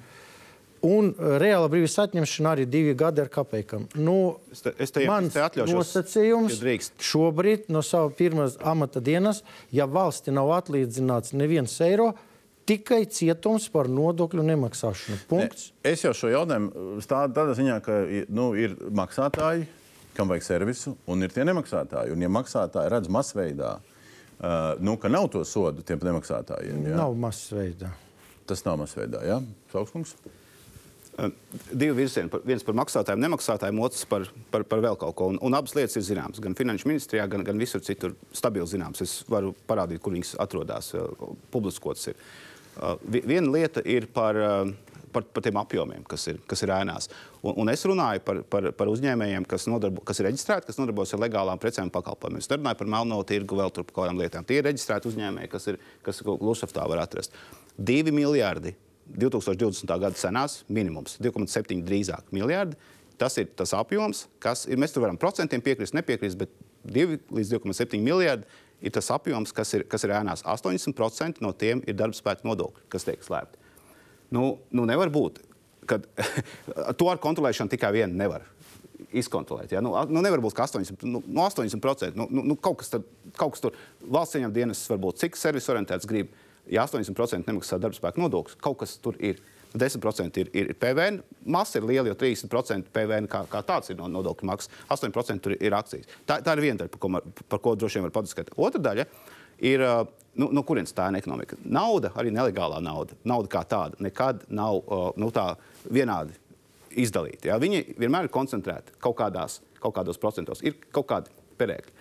Viena no perēkļiem ir, un, un neskiet finanšu ministrijā, ka jūs nezināt, vai vēl saimnes dienas tā. Mēs jums to valsts pētījuma programmā esam aprakstījuši. Mēs iepriekš arī ēna ekonomikas konferencē maijā runājām. Ir, ir, ir, ir liela nauda, lēta nauda, kas nāk no Krievijas, kas ir nelegālā nauda. Lietuvas robeža vēl kaut kādas lietas. Un, un varētu vēl un vēl runāt par lietām, kurām jūs zināt. Un tur ir jāklapē ciet. Kādas tur tiesas? Tur, tur vienkārši nedrīkst to to, to, to, to, to atļaut. Tā, tās ir tie, tie, tie divi virzieni, un, un viņi, viņi ir atšķirīgi. Vienā ir kaut kāds servis, vienā servisā nav pavisam, un, un, un ir kaut kas, kaut kas pa vidu. Un, Bet ar to jūs gribat pateikt, ko šobrīd? Ka jūs redzat gan, ka potenciāli atdalāmā, saucamā represīvā daļa, policijas daļa, gan tā, kura paliek, kas ir nu, potenciālā servisa daļa, bet patiesībā vārds iekasēšana Man liekas, ka nemaz nav tāds baisais servis. Jā, jā. Ja, ja tā padomā, jā, un... tad abās pusēs ir problēmas, tā ir kur ir rezultāts. Viena lieta, ko es gribu pateikt, otra lieta, ko es, un galvenā lieta, ko es pavisam šeit gribu pateikt, ir, kad, eh, kad ēna ekonomikas mazināšanā tā vai savādāk Latvijā uz priekšu, mēs droši vien pa plānu vēl runāsim, bet neko ies, tur daudz uz priekšu neiet. Un galvenais iemesls tam, tam ir tas, ka tā nav koordinēta aktivitāte. Līdzīgi kā arī Baltikas nav koordinēta aktivitāte, starp citu, tur arī nekas uz priekšu neies. Tur ir daudz ministrijām labāk jāiesaistās, lai tas notiktu. Un arī ēna ekonomika nav, nav, nav koordinēta aktivitāte. Kamēr tas tā nenotiks, tikmēr mēs, protams, runāsim par kaut kādām apkarošanām, par kaut kādām cietumā likšanām, kas arī ir svarīga lieta. Bet, bet tā ir 80% no visas, no diviem komatiem, cik miljardiem. Ne, nu, nu, par ko es nu, nu tad, tad ir visi jāliek cietumā. To arī nevar. Ir šai pusē kādas atbildes par šo tēmu? Mm, es gribēju teikt to, ka Jā, es piekrītu Saukungam. Es par tām Krievijas naudām un to nepiekrītu. Tur bija šī savādāk tas notiek. Tā gluži nav tik vienkārši, ka tur nu, tā, tā gluži nav. Ir, bet kā jāsaka, tā pēdējā laikā, nu, cik man ir zināms, nodokļu muitas policija ir bijuši ļu- gana, e, gana veiksmīgas realizācijas tieši par to, kādās aploksņa algas izskatās un kā tas notiek. Un te man tiešām ir tā visu laiku tā sajūta, ka jūs rādiet to, to līkni, ja, un te pašā laikā. Kur ēna ekonomikas līnija? Jā, bet tajā pašā laikā man tika pārmests, kā teikt, ka es neesmu gana, gana kā teikt, proaktīva. Ziniet, eh, kamēr mums ir tāda situācija, kā Augstskungs saka, un tiešām lielākā, liela daļa uzņēmēji ir gatavi un vēloši, vēlas maksāt algas aploksnē, un nekad nesamierināsies, ja viņiem kaut ko pasaka, tad vienmēr ir E, Viņiem, viņiem vienmēr ir taisnība. Es esmu pārliecināta, es varu godīgi pateikt, lai vai kāds nāks nākamais vidu ģenerāldirektors, tuvējos piecus gadus. Viņam būs jācīnās tieši ar to pašu, ko darīju es. Un mēs varam, es atnācu arī. Pagaidiet, bet precizējam, es turpināšu operēt Jā. ar skaitļiem. Tā saucamā nodokļu plaisa, tie ir paši jūsu vidu Jā. dati. Ja? Trīs gadi jūsu vadības dati. Pa kreisi zaļais stabiņš ir e, sociālās apdrošināšanas iemaksas, pa labi ir e, iedzīvot ienākumu nodoklis. Nu, te bišķi varbūt jums tie cipari katram citādi, bet 2,7 kopumā. Tie 2,7 miljardi tie ir nodokļu plaisu aprēķini, bet nevis tā kā valsts ieņēmuma dienas skaita. Mums par ir dažiem. Bet, lai kā, Jā. bet, par es, bet, visiem bet mans jautājums ir viens. Šeit tā plaisa, neiekasētā daļa, ko sauc par plaisu, stāv uz vietas. Tad jūs tikko pateicāt, ko? Lai nāk, kurš grib, vai kura grib tagad, ko Ašarādienas izvirzīs un ministra kabinets nobalsos. Vienalga plaisa turpināsies. Nu, manā gadījumā mēs pusprocents un plus viens miljards darba spēka nodokļos tas ir daudz. Un es varu pateikt, tas ir daudz. Šogad, ja salīdzina ar iepriekšējo gadu, būs atkal būs vēl lielāki ieņēmumi. Un jāsaka tā, ka ir bijuši vēsturiski lielāki ieņēmumi. Man ir vienmēr tas 20% jautājums. Inflācijas? E, Ko tu? Nē, tas ir darbspēka nodokļos. Nu. Un tāpēc. Vienu- vienu- Nē, nu, Kā algas aug? Nu, loģiski. Nu, nē, kā? algas neaug. kā neaug? Paliel- Jūs apstrīdat oficiālo valsts Es, statistiku? ne, es saku to, ka aug algas tajā segmentā, kurš līdz šim slēp. Tur ir pieaugums tiešām. Tajā, ja mēs skatāmies pa to segmentu, ir pieaugums. Un tur ir 10, 20%. Cik viņš ir ilgspējīgs, es nevaru apgalvot, bet viņš tur ir. Mēs redzam lielāku algu pieaugumu segmentā, kuri iepriekš nemaksāja. Tāpēc, ja mēs par to runājam, es, pie, es varu tikai pieņemt, tāpēc saku, gaidu 31. māju šī gada ka pāris gadus tam rezultātam būtu jānāk caur to atvērtību, caur to, ka uzņēmumi var redzēt tagad savu reitingu, caur to vajadzētu nākt arī e, tam grūdienam. Bet ja mēs... Te jau to represīvo iestādi vajag sašaurināt, samazināt. Nāks grūdienis pats par sevi. Es te, Es ironizēju, protams, bet nu, tā iznāk. Es vienkārši, nē, nu, tik daudz, nu, kā es saku, tik daudz ir darīts, iespējams, ka, ka vajadzētu būt arī tam rezultātam. Jo, kā es vienmēr saku, manā, manā iepriekšējā pieredzē konkrētas padomē, jā, kartels bija normāla lieta tajā laikā. Pagāja desmit gadi, saku, vai cik tas ir šausmīgi. Ja, ja tas nav Pienāc- personīgi, bet man liekas, ka Jānis man piekritīs, ka mēs katru reizi, kad mēs taisām to konferenci, ir, ir, ir, es, es varētu atrast tajos ierakstos, ka nu, vēl nē, bet tagad ir viss kaut kas darīts. Un pēc Tagad būs. Jā. būs. Un, un, un 14 gadus mēs laikam taisām, un, un, un varbūt no trešās tas ir, es to dzirdu, nu, nekas jau nemainās. Jā, bet eh, paskaties eh, uz to pašu. eh, To pašu skalu, ja, kā viņi ir gājusi un kā viņi ir staigājusi. Jā, jā. Un tajā, protams, aiz tā visa visu laiku kaut kas ir. Nav jau gluži tā, ka nav. Un uh, pa vidu bija Covid un vēl citas. Covid vispār visiem bija. jā, tieši tā arī ēna ekonomika. Ja mēs skatāmies uz 8. gada krīzi, tas bija 38%. Tas ir. Tas nē, nu, mēs varam priecāties par 15 gadu senu labi, pagātni, bet tur nu, labi. Jā, vajadzētu. bija. Tur Jā, uh, tāpēc dieps, es saku, bet tur bija 20. Jā, tāpēc es vienkārši varu pateikt, ka. Man liekas, dusim, mēs aizējām. Ja nu kas man viens nepatīk, mēs laiku aizējām narratīvu, jo nekā nav, nekas nenotiek, viss ir slikti. Vispirms, ir, šī ir viena metodoloģija, mums ir citas metodoloģijas, ko mēs lietojam. Tā ir Eiropas atzīta starptautiskā metodoloģija, kur mēs redzam arī citu valstu datus, un viņi būtiski atšķirās. Un šī ir uztveres indeks un citu rēķinu makroekonomiskās metodas izmantot. Tā ir cita lieta. Otrs, ja mēs skatāmies no tiem notikumiem, kas ir notikuši, un tiešām es gribu novērtēt vidu darbu, ja mēs runājam par PVN plājas, kas ir lielie karuseli, kas ir bijuši, tāda praktiski vairāk nav. Es nevaru teikt, ka tur ir nulles tā teikt, situācija, bet katrā ziņā tā situācija ļoti būtiski ir uzlabojusies. Attiecībā uz šīm aplokšņa algām, jā, tā ir drausmīga sērga, tā ir joprojām notiek. Uh, Viss ar to cīnās, bet kopumā es gribu teikt, ka tā vēlme uzņēmējdarbībā darbībā tās lietas ir kārtot. Un pirmo reizi gribu uzteikt arī, ka Vits ir izdarījis tiešām lieliski. Ir. Šobrīd mēs testa režīmā rādām šos uzņēmumu segmentus, kurām mēs skaidri zinām tie uzņēmumi, kur nav šaubu, ka tur ir uh, absolūti tīra tā darbība, līdz uzņēmumiem, kuriem ir ļoti nepatīkama darbība. Šis būs rakstot šo ziņojumu. Jūs esat atbildējis sev uz jautājumu, kāpēc mums nemazinās šī plaisa nesamaksāto nodokļu? Es, es vēlreiz, nu, pēc kā jūs varat apgalvot, ka viņi nesamazinās. Ne, š, nu, šis nu, ir uztveres. Šī... Es atceros, kāpēc nesamazinās uztveres indeks. Ne, es, es nevis par es... augsts indeksu. Es pa paša valsts ieņēmumu dienestu publiskiem oficiāliem skaitļiem par šo plaisu. Tie, tā nav PVN plaisa. PVN plaisa ir samazināta. Nu, jūs redzat, kāds ir virsraksts sociālo apdrošināšanu. Jā, es saprotu, jā, bet ir ēna ekonomikas Plais. lielākā daļa bija līdz šim bija PVN plaisās. Nu. Es atkārtoju jautājumu. Ēna ekonomikas daļa PVN plaisa nav lielākā. Ir darbs, Tā ne šobrīd vairāk, kādreiz viņa bija lielāka. Nu. Pēc, pēc apjoma arī, arī, arī, arī tagad, bet, bet nu, nu, nemazinās kopumā ēna ekonomika. Tas ir, nu, Tas ir, tas ir skaidrs, ka nu, kādiem rādītājiem mums ir atšķirīgi dati. Nu, ja mēs apstāmies citas, citas eh, metodoloģijas, tad tie dati ir atšķirīgi. Ne, kādu jūs citu metodoloģiju varat piedāvāt šim, ko pats valsts ieņēmuma dienas definē? Uh, tas arī šī metodoloģija parāda, ka pusprocents darba spēka nodokļos ir daudz. Tas, ka caur visām krīzēm tas ir izdevies. Es varu teikt, tad, kad atnāca Saugskungs pēc eh, krīzes, katrā krīzē, kāpēc es piesaucu tos uh, vecos datus? Tāpēc, ka katrā krīzē dubultojās. Es, ne, es varu pateikt, ka nav. Mēs esam pietiekami daudz ar Saugskungu runājuši. Mēs redzam to, un es arī redzu tos uzņēmumus, kas maksā aplūkšņa algas nav tā konkurētspēja. Tas, ko Enciņš saka par eksportējošiem uzņēmumiem, tur ir algas pilnīgi citas. Šeit mēs runājam par uzņēmumiem, kuriem tai biznesa modelī nav tā cena pietiekami liela, lai viņi varētu. Kāpēc tas tā ir? Tas nav uh, vai viņi nodokļu jautājumā vienkārši. Viņi nespēja ieņemt pietiekami daudz līdzekļus, lai samaksātu nodokļus, algas un komunālos pakalpojumus. Es varu atbildēt. Es šobrīd varu izstāstīt par katru segmentu, par to, kā viņi izskatās.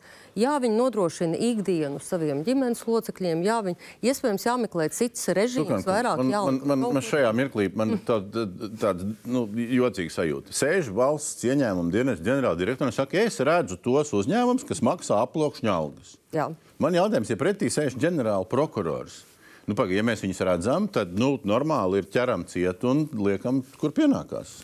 Nē, nu, redziet, mums eh, šo analītiku vai filozofu tagad ļoti daudz, un viņi visu, ko redz. Bet uh, tad es piedāvātu, varbūt Saukas kungam aiziet par vidu ģenerāla direktoru un samazināt ēnu ekonomiku. Viņš saprot, kā to var izdarīt. Nu, kāpēc viņš neiziet un neizdara to? Bet filozofēt Jūs darīsiet visi... man darbu pēc tam? Atradīsim citu, kāds atnāks jūsu darbu. Izdarīs, vai vismaz trīs gadus varam nedarīt, un pēc tam salīdzināt. Viss vis cieņums, to... bet jūs nevarat uh, es nedarīšu man, jūsu darbu.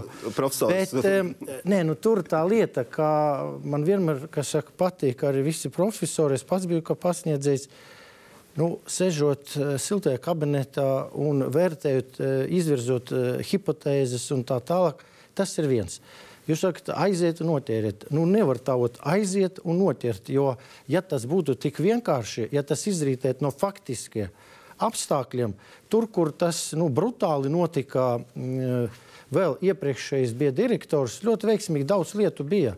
Tad atkal aizgāja mazumā. Un kāpēc aizgāja mazumā? Tāpēc, ka tiešām bija šis visādi ierobežojumi un uh, bija nu, arī apgrozījums samazinājies. Tāpēc nav tik vienkārši, kā mēs redzam no šīs ēnu ekonomikas analīzes datiem statistiskiem, pateikt, ka tas nozīmē, ka tiešām fiziski šeit eh, katrs otrais uzņēmums nodarbojas ar uh, noziedzīgu darbību. Katrs otrais nē. Jā, bet uh, arī daļai uzņēmējiem mums ir šie arī apjomi starpībai maziņa pat neizraisa. Nu, nu, sistēma, nu, Nu, nu, pastāstiet. Ne, es varbūt atbildēšu Domburgungs jums konkrēti. Lai pierādītu aploksņa algas, valsts ieņēmuma dienestam jāpierāda pēc likuma avots un fakts. Tātad aizejot pat uz uzņēmumu, pat redzot, ka skaidrs algas ir mazākas, man ir jāpierāda avots un fakts. Tātad, ja mēs runājam to, tad, tad iesāk operatīvā darbība, sēž operatīvie darbinieki, novēro eh, zināmu laiku, pēc tam iet un dara to, ko jūs sakiet. Jā, 60 gadījumos pagājušajā gadā. Cik tas, man, tas tiešām ir? Nē, es jā, vienkārši domāju, tā, nu, tā ja tur notiek, bija ne? bijuši žurnālisti eksperimenti, kas iefiltrējās un atklāja aploksnes. Jā.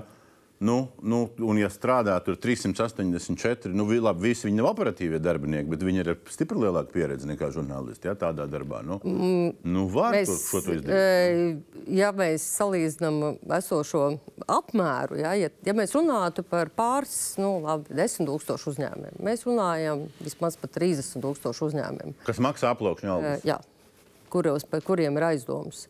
Tāpēc eh, tas ir aizdomas. Jā, tāpēc, ja tas skatās to apmēru pret to, kas resursu pret apmēru, viņš ir nesamērīgs. Tāpēc, ja tā morāle un tas biznesa modelis nemainās, ieņēmuma dienas viens pats nekad nevarēs samazināt ēnu ekonomiku, jo nav tas samērs tik liels. Un- Aboliņš kundze ilgi klusē. Sakiet, nu, kā jūs redzat, tā, sa, caur to efektivitāti, un tagad, kad mēs nonākam, kurš var kaut ko izdarīt un kurš uh, nekad nevar kaut ko izdarīt. Valsts kontrole par šo jautājumu varēs izteikties pēc kāda laika, jo uh, uh, revīzija attiecībā uz ēnu ekonomiku sāksies gada otrajā pusē. Tā kā jā, šobrīd mums tādu, tādas informācijas nav, lai mēs varētu. Nu, labi, bet, ja mēs runājam par to efektivitāti, nu, atgriežoties pie šī, labi, nodalīs tagad no vidas vienu struktūru vienību lielu, relatīvi, bet, bet, bet vienu nos. Nu, un efektivitāte bija līdz šim vienkārši jāstrādā cit, citā pakļautībā, padotībā, pakļautībā. Tur tā lieta, jūs pats arī atbildējat, nu, netiek neveidota, ne nodalīta, kādi viņi ir, tādi viņi ir. Vienkārši nomainis eh, pa, pakļautību. Nu, bija vidi ģenerāla direktori, kuri tiešām nepamatot visu laiku uzbruka. Jo viņi gribēja, nevar tur aiziet, jo sēdēja nākošais podziņš. Viņš varēja vispār durvis aizvērt un nelaist viņu tieši tā, kas attiecas uz operatīvu kriminālu darbību. Un tāpēc to arī ir jāatdala, jo prasa atbildību par to, par ko tu pat, es saku, pie durvīm te var pat neielaist un pamatoti.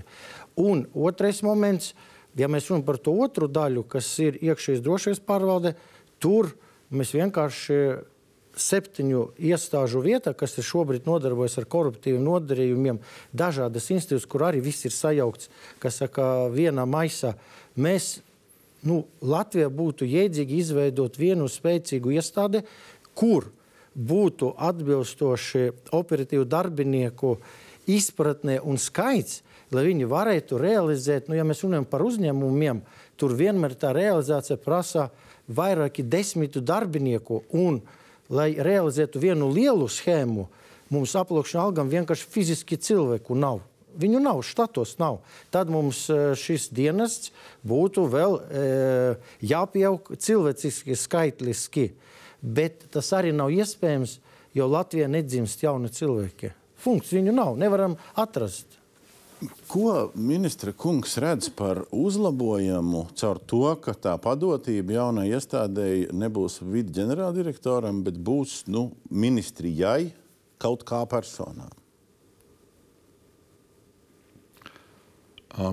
Man primārs fokus ir attiecībā uz valsts ieņēmuma dienesta attīstību, un tur ir ļoti daudz darāmu lietu.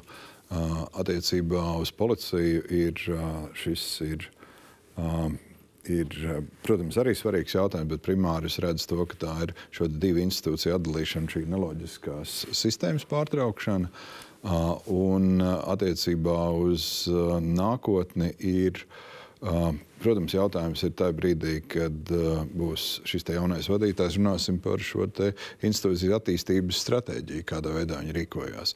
Bet vēlreiz es uzskatu, ka vidējā termiņā mums būtu jāpanāk vienošanās, ka šāda veida ekonomisko noziegumu apkarošanas birojas veidojas iekšlietu ministrijā, kur ministrija nodarbojas ar saviem uzdevumiem, uh, izmeklē un noved līdz tiesas procesam lietas. Savukārt valsts ieņem dienestu- par to nekādas vienošanās ar iekšlietu ministru, kas ir arī jūsu šobrīd jau apvienības biedrs, partijas biedrs nav. Šādas vienošanās man vēl nav. Jā. Tāpēc, ka iekšlietu ministri iebilst, tur, tur mēs atgriežamies pie tā, ka viņi- naudu. Tas prasa naudu. To nevar izdarīt uzreiz. Attiecībā uz naudu šeit izskanēja gan mazās algas, gan arī izdienas pensiju jautājums. Un, es gribētu teikt, ka um, mēs salikām visus izmeklētājus uz vienas līnijas mm -hmm. un salīdzinājām gan viņu mēneša algas, gan mainīgās daļas, un tad arī, protams, pieskārāmies jautājumam par izdienas pensijām. Bet šis ir jautājums par vienlīdzīgu attieksmi pret viena un tā paša darba veicējiem. Un viņi šobrīd atri, atrodas viennozīmīgi nevienlīdzīgā situācijā. Un sākums tam visam ir ne tikai resoriskā pieeja, kā tās iestādes ir sadrumstalotas, bet tam ir arī vēl atšķirīgs normatīvais regulējums. Vienam viens likums, citam cits likums, un, un vienu groza, otru negroza, un tā nevienlīdzība pieaug. Tāpēc ar to es gribu teikt, ka tas nav jautājums, kuru mēs varam nerisināt šobrīd valstī, jo tā ir nevienlīdzība palīdzība, kas ir pretiesiska. Šis jautājums ir jārisina jebkurā gadījumā. Un, un pēc um, valsts kontrolas revīzijas viens no ieteikumiem ir veidot šo uh, vienlīdzīgo un visaptverošo atalgojumu sistēmu. Kas visās. nepilda šo ieteikumu šobrīd? Uh, šis ieteikums ir dots visām ministrijām. Mm. Un, un, Ģenerāla prokuratūrai nav dots. Jā. jā, un mēs esam aicinājuši ministru kabinetu uzņemties virsvadību par šiem jautājumiem. Tas izriet no revīzijas, jo tur, kur ir starp resoriski jautājumi, tur vienmēr ir problēmas. Un bez politiskās virsvadības par to nav iespējams vienoties. Un, jā, tas droši vien arī ieskanās šeit, un ir tas, ko es gribēju pateikt, ka mums līdz šim ir gājis tā, ka katrs resors domā par savu institūciju. Un ar šo nākamo atkal veidojot jaunu iestādi, šī praksa turpinās. Nu, mums kā nav tā konceptuālā redzējuma, tā viņa nav. Šobrīd uh, jau ir paredzēts pārejas periods uz gadu. Nekas nav noturīgāks kā pagaidu risinājums bez tā gala termiņa un mērķa, uz ko ir jāiziet. Nē, nē, ja knabam pievieno 30 štata vietas un naudu vēl, lai neaizmirst atdot, lai atstāj visu pārējo personāla daļas, tur uh, kancelēs visu tikai 30 plus naudu. Tad tas jau ir uh, šī konsolidācija un vienlīdzīga attieksme vismaz par koruptīvu noziegumu izmeklēšanu. Tur nākošais solis, ko valdība skatīs, un noziedzības eh, novēršanas padome, ko vada premjera, jau tiek skatīts un runāts. Bet nu, jums taisnība, es gribētu, lai mēneša laikā to izdarītu. Nu, ierēdņi nav spējīgi. Viņi saka, tur ir daudz ierēdniecisku, visādu birokrātisku jautājumu. Eh, nu, kā viens no jautājumiem, pret ko visi iebilst, eh, tas ir tas, ka nu, policija saka, mēs nevaram viņus paņemt, jo mums nebūs piekļuves eh, vida datiem. Līdz ar to mēs nevarēsim izmeklēt šos noziegumus. Nu, kolēģi, nu, tad ierakstiet likumā pieeja visiem vida datiem. Punkts. Tāpēc. Kaut kā varētu visu šo dinamiski risināt. E... Pieeja vida datiem ir atsevišķa raidījuma tēma. Līdz ar to arī šis moments, par ko mums ir. Arī operatīvas darbības subjekti 11, un, diemžēl, vismaz jau manā laikā, mums ir daži gadījumi, kad vairāki dienesti strādā uz vienu personu un satiekas realizēt operācijas. Nezinu, kurš aizturēs. Jā. Nē, nu, bet, nu, sanāk jau... situācija, ka jūs risināt kaut kādu vienu stāstu, kuram, protams, ir sava vēsture un visi skandāli un visas jēzgas ar ar, ar, ar nodokļu muitas policijas pārvaldi un korupciju un, un iekšējo un, un, un ārējo. Bet, bet jūs viņu risināt, un šis viss tā kaut kur fonā turpina eksistēt. Nu, Nu jā, šitā turpināsim, tad negribēsies arī šo risināt. Labāk ir atstāt kā ir, un tad viss priecīgi. Labāk risināt šo vienu un pārējo. Nē, labāk, nē, nē, labāk nerisināt neko. Nu, tad, Bet nopietni. Jo tikko tu pieķeries klāt, sāc kaut ko virzīt, nu, tas galīgi neiet viegli. Ja? Uh, un tad tagad pēkšņi, uh, ko tu tur dari? Tu neesi izdomājis šito, ne, ne es neesmu visu līdz galam izdomājis. Piedod, neesmu. Tas, kas ir izdarīts, ir konceptuāls lēmums. Ja tādu zaļo gaismu valdība dod, tad strādāsim. Tas, ko es mēģināju pateikt. Mēs rakstīsim likumu par valsts cieņām dienestu, rakstīsim likumu par policiju, risināsim visus šos jautājumus. Atvainojiet, vidu datu pieeja ir vismazākais jautājums. Tas ir absolūti pašsaprotams jautājums. Skaidrs, ka izmeklēšanas iestādēm ir jātiek klāt pie datiem, bet mēs par šādu vispār, es saprotu, es dzirdēju šādu argumentu, man viņš liekas muļķīgs. Nu, skaidrs, ka viņiem pie šiem datiem jātiek klāt ir un ir noteikti veidi uzraudzība, kādā veidā to nu, dara. Tas arī viss. Vēl vienu no jocīgu mana izpratnē argumentu, ko saka nodokļu un muitas policijas pārvaldes direktors. Man taču vajag eh, personāla daļu, man vajag grāmatvedību. Nevajag. ierakstiet likumā, ka to turpina darīt tie, kuri sēž vidā un turpina viņus apkalpot, jo valsts iet uz centralizāciju. Arī to var ar vienu teikumu atstāt, arī apgādi un visu pārējo. Jo tas ir tehniskais nodrošinājums. Tam nav nozīmes, kurš to dara. Nē, viņi arī šos jautājumus piesauc, ka problematiskus, nu, ja tas ir problematiski, un šeit es piekrītu ministram, nu, ierakstam, un viss, un problēma nebūs. Mm. Skatīsimies, kad līdz tam nonāks. Mums ir tāds pēdējais cēliens šai sarunai. Es gribu viņu atgriezties no vienas reformas uz to kopējo bildi vēl plašāk nekā 11 iestādes.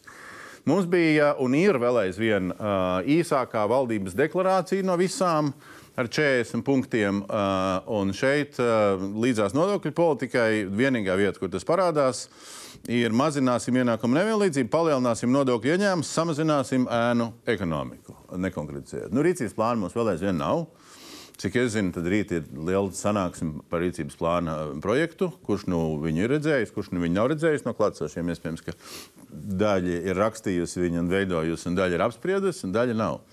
Es gribētu nu, aicināt uz tā fona, ka mums ir šis uh, temats un ir tas, ko mēs pieskārāmies. Kam tad būtu jānotiek vēl, neskaitot šo uh, vidu sadalīšanu vai pārdalīšanu? Kam būtu vēl jānotiek?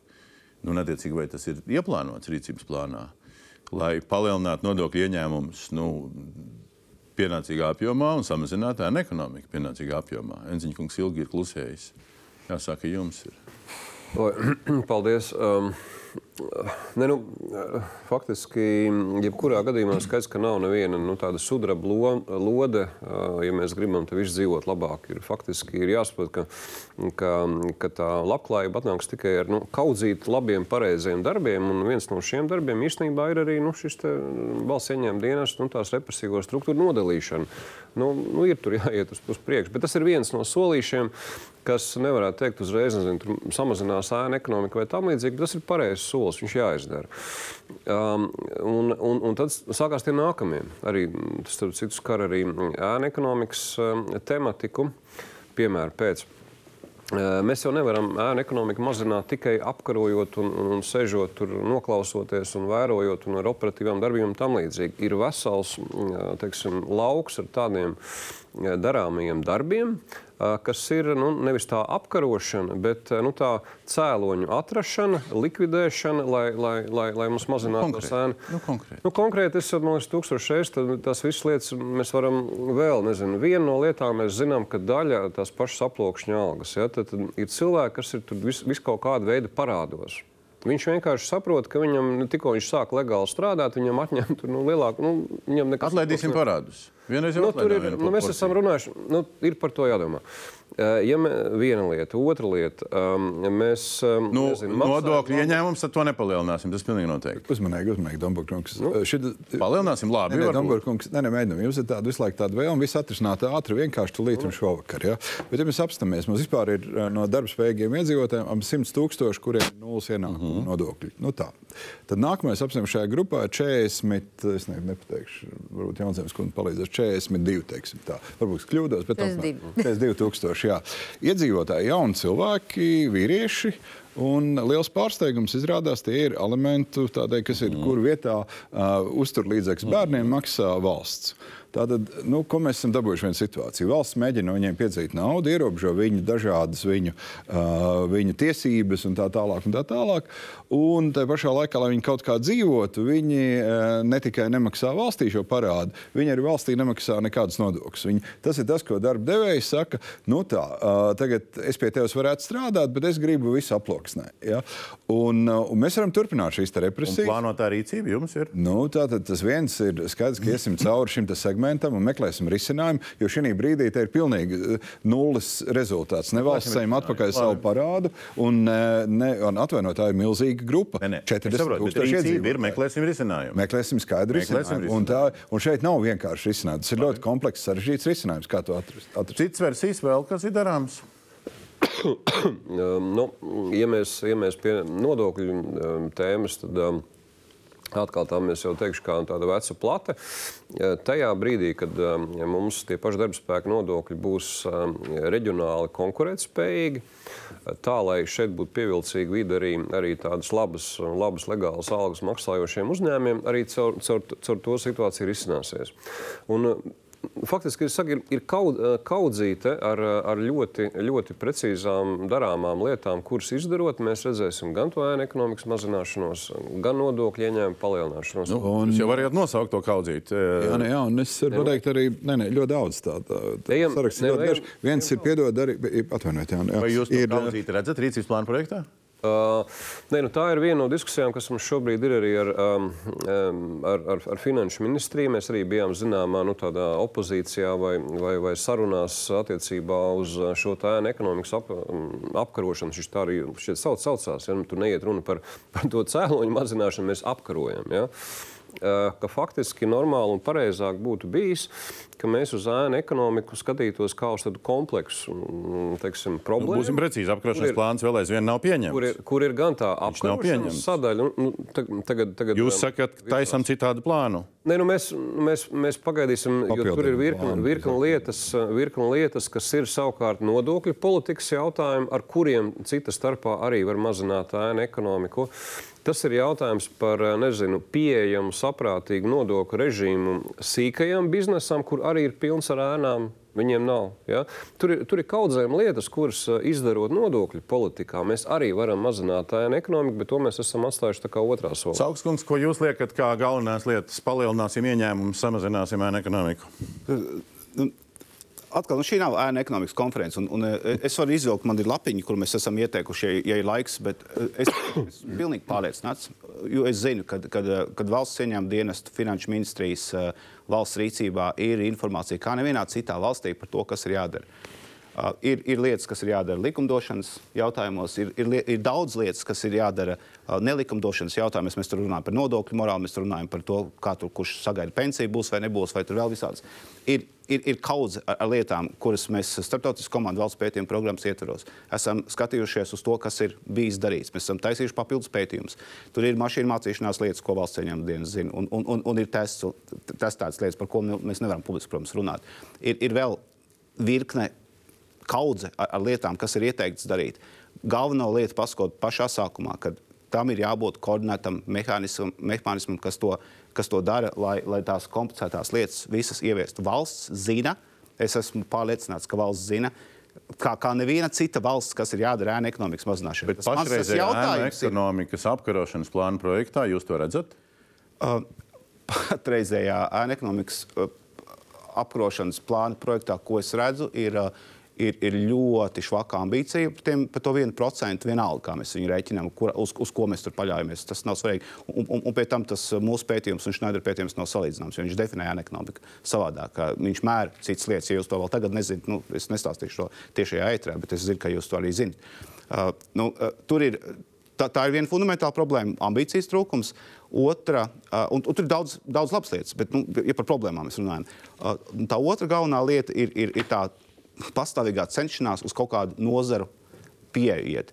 Pie tā, kad ir šie divi miljardi, apkarot prioritāri kaut kādās nozarēs. Tūkstoši, ja, un, un, un pat, ja tā, pat ja tā būtu tā, tā, tā, tā pieeja, tad, nu, tad būvniecībā uh, tās 700 cik tur eiro, tās algas, uh, ko Latvijas būvniecībai partnerība savulaik izsita, nu, tā vidēja alga, kā viņa bija, tā, nu, tur jau nekas nenotiek. Ja, nu, Labi, Saukskungs, tas ir blēks. Ne, netaisām referātu. Es Īsā versijā ir ko, ir ko piebilst. Uh, Eh, kas zem šī vēl būtu jādara, neskaitot to, ka mēs runājām? Nu, droši vien, ka kaut kādi tādi cilvēkus uzrunājoši rīki, tas ir tas, par ko valsts kontrole skatījusies. Nu, kad, uh, kaut kā tās iespējas, nu, kaut vai, piemēram, mēs ar kolēģiem arī runājām, ka tādas lietas kā nodokļu parāda kaut kāda atlikta grafika sadalīšana, par ko cilvēks neie, neiedomājās un kur viņš iekrīt uh, parādnieku. Uh, uh, sarakstā uzreiz viņš nedara neko un nerisina savu situāciju. Nu, droši vien ir kaut kādas tādas lietas, kas arī IT sistēmām un to atbalstu būtu varētu uzlabot to motivāciju parādniekiem. Bet nu, tas tāds viens ļoti neliels, kā es minēju, valsts kontrolas revīzija par ēnu ekonomiku. Gaidīsim. Stukāna kunga rezumē par to, ko mēs vēl te varētu darīt. Nu, es pat nezinu, vēl Kariņš bija ministru prezidents apspriežot to pašu plānu. Es arī rakstiski iesniedzu par šo apgrieztas eh, prezumpcijas iekļaušanu administratīvā procesā. Ir tas izdarīts? Nē. Nav izdarīts, nevienam nevajag. Otrais jautājums. Restīvi pierādi, no kurienes mājai Jā. nauda. Nē, nu, ne jau tā, ka ot jums pēkšņi izdomā. Tam ir jābūt pamats, pamatu atrast vidam. Principā, kā mēs šodien dzirdam, nav problēmu. Bet eh, man, lai mēs varētu tā jau represija, un tam es piekrītu, nevajag ar represiju, domāju tā, lai nebūtu jānonāk līdz represijai. Tas ir viens. Otrais moments. Ļoti labs, par ko es arī jau sen runāju. Nu, novilkam šo katram, lai parakstas, kā nu, tā saucamais nulles deklarācijas ienākumu. Kāds ieradnis kaut ko tur nepareizi ieraksta. Nezinu, kāpēc tur kaut kādi simts eiro parādīs vai dāvana. Atkal visu uzreiz e, nogrieza, pazuda. Man vajag pierādījumus, lai tiesa man netaisno, jo paiet laiks. Un uh, pēc tam, kas saka, atkal slikti strādāt. Tāpēc tas nevar būt pieņemts, tam ir jābūt pierādījumam. Pierādījumi balstās uz atskaites punktu. Un vēl viens moments, ja mēs arī runājam par to pašu efektivitāti, man vajag augsti kvalificētu, apmierinātu un no valsts puses adekvāti novērtētu operatīvu darbinieku un izmeklētāju. Un tādu mums trūkst. Kāpēc toreiz nenotika tas, tas lēmums? Nu, jā, nu mēs vērsāmies pēc tā visa, mēs vērsāmies Tieslietu ministrijā. Jāsaka, tā mums ir vairākas svētās lietas šajā valstī. Viena no tām ir administratīvais process, otrs ir civillikums. Jā. Diemžēl tika izskaidrots, ka tā tas nebūs. Lauzāmies divas reizes, nesanāca. Spīti arī tam, kas. Es domāju, varbūt to vienkārši vajag atkal atjaunot, jo principā tīri no tāda normatīva akta viedokļa tas nav nekas sarežģīts. Tas ir būtisks koncepta maiņa, būtisks koncepta maiņa administratīvajā procesā. Ne, Tas ne, nu, Eiropa tajā virzienā skatās, tad, kad izdarīs, tad mūsu arī piekritīs, kā tā var. Jo redz, bez Eiropas mēs paši neesam tik gudri. Mums jāsagaida, lai kāds cits pasaka. Kaut gan tiešām teoretiski tur vispār problēmas nevar būt un citās valstīs tas tā ir. Tur ir tā problēma. Daudz no šīm lietām nav rīcības plāna projektā. Bet ļoti daudz labas lietas ir. Uh, Sākot ar ambīciju līmeni, augstums, kā jau teicu, ir dažādas metodoloģijas. Protams, var teikt, cipari viens, bet tad mēs apskatāmies pēc Šnederkunga metodoloģijas. Latvijas atšķirība pret Eiropas ēnu ekonomiku, video ēnu ekonomiku ir 3%. Šis te 1% pareizi, bet tie ir 30%. Tātad pat trešdaļa samazināt, manuprāt, ir pietiekami laba ambīcija, kas ir ministrijai. Uh, un es gribu teikt, ka ir pietiekami daudz aktivitāšu, ko es gribu teikt. Viena, kas tagad ir tikko iedarbinājusi valsts ieņēmuma dienas, ir šī uzņēmuma segmentēšana.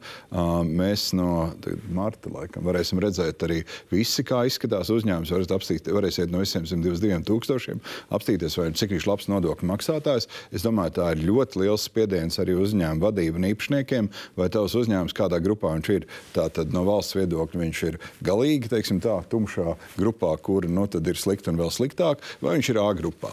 Otrs, mēs apstāmies ekonomiski, ļoti praktiski, ļoti skaidrs lēmums, ko mēs ejam valsts iepirkumu. Tāda priekšroka iepirkumos tiek dota A grupas uzņēmumiem. Tad, ja startē A vai B grupas uzņēmums iepirkumā, tad viņam ir absolūti priekšroka pret tādu, kurš nav startējis. Es domāju, šis ir radikāli mainījis uzvedības modeli. Kaut arī skaties, būvniecības iepirkums vai kāds cits, tomēr ļaudis stipri padomās par to, kādā grupā viņš atrodas. Un tā es varētu nosaukt daudz citas lietas. Tā varēs e-rēķini. Tas, protams, ir jautājums par digitalizāciju. Ņemamies vēl ar, ar varam par to, lai šie e-rēķini funkcionētu, bet tās ir struktūrāls, milzīgas izmaiņas izmaiņas, kurā ekonomikā, tā kā prokurors pareizi teica, tev parādās tas saucamais pierādījuma brīdis.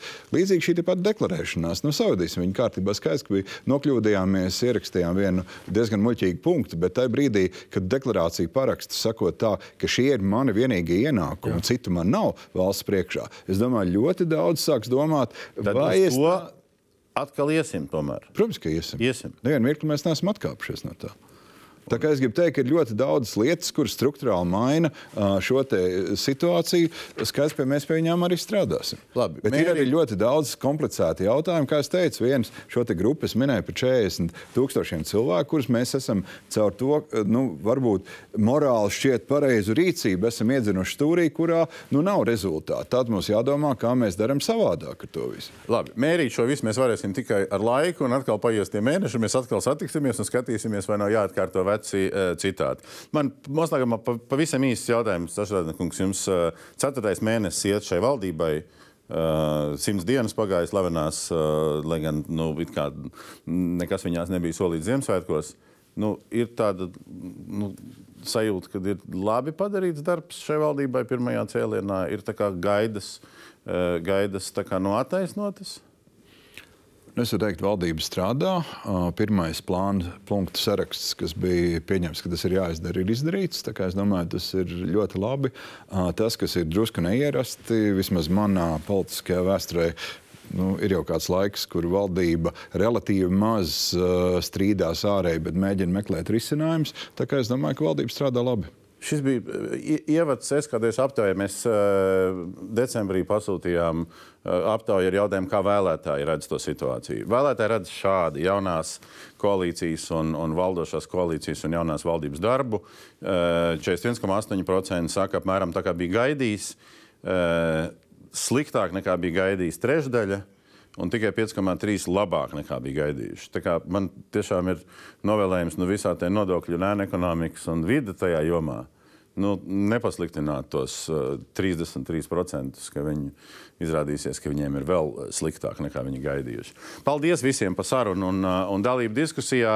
Um, šo aptauju partiju griezumā tur ir arī interesanti, cik kuras partijas vēlētājs ir apmierināts vai nav apmierināts ar rezultātu. Uh, to mēs LSM portālā atsevišķi vēl nopublicēsim. Paldies klātsošajiem par dalību, paldies skatītājiem par uzmanību. Turpinājums sekos. Paldies!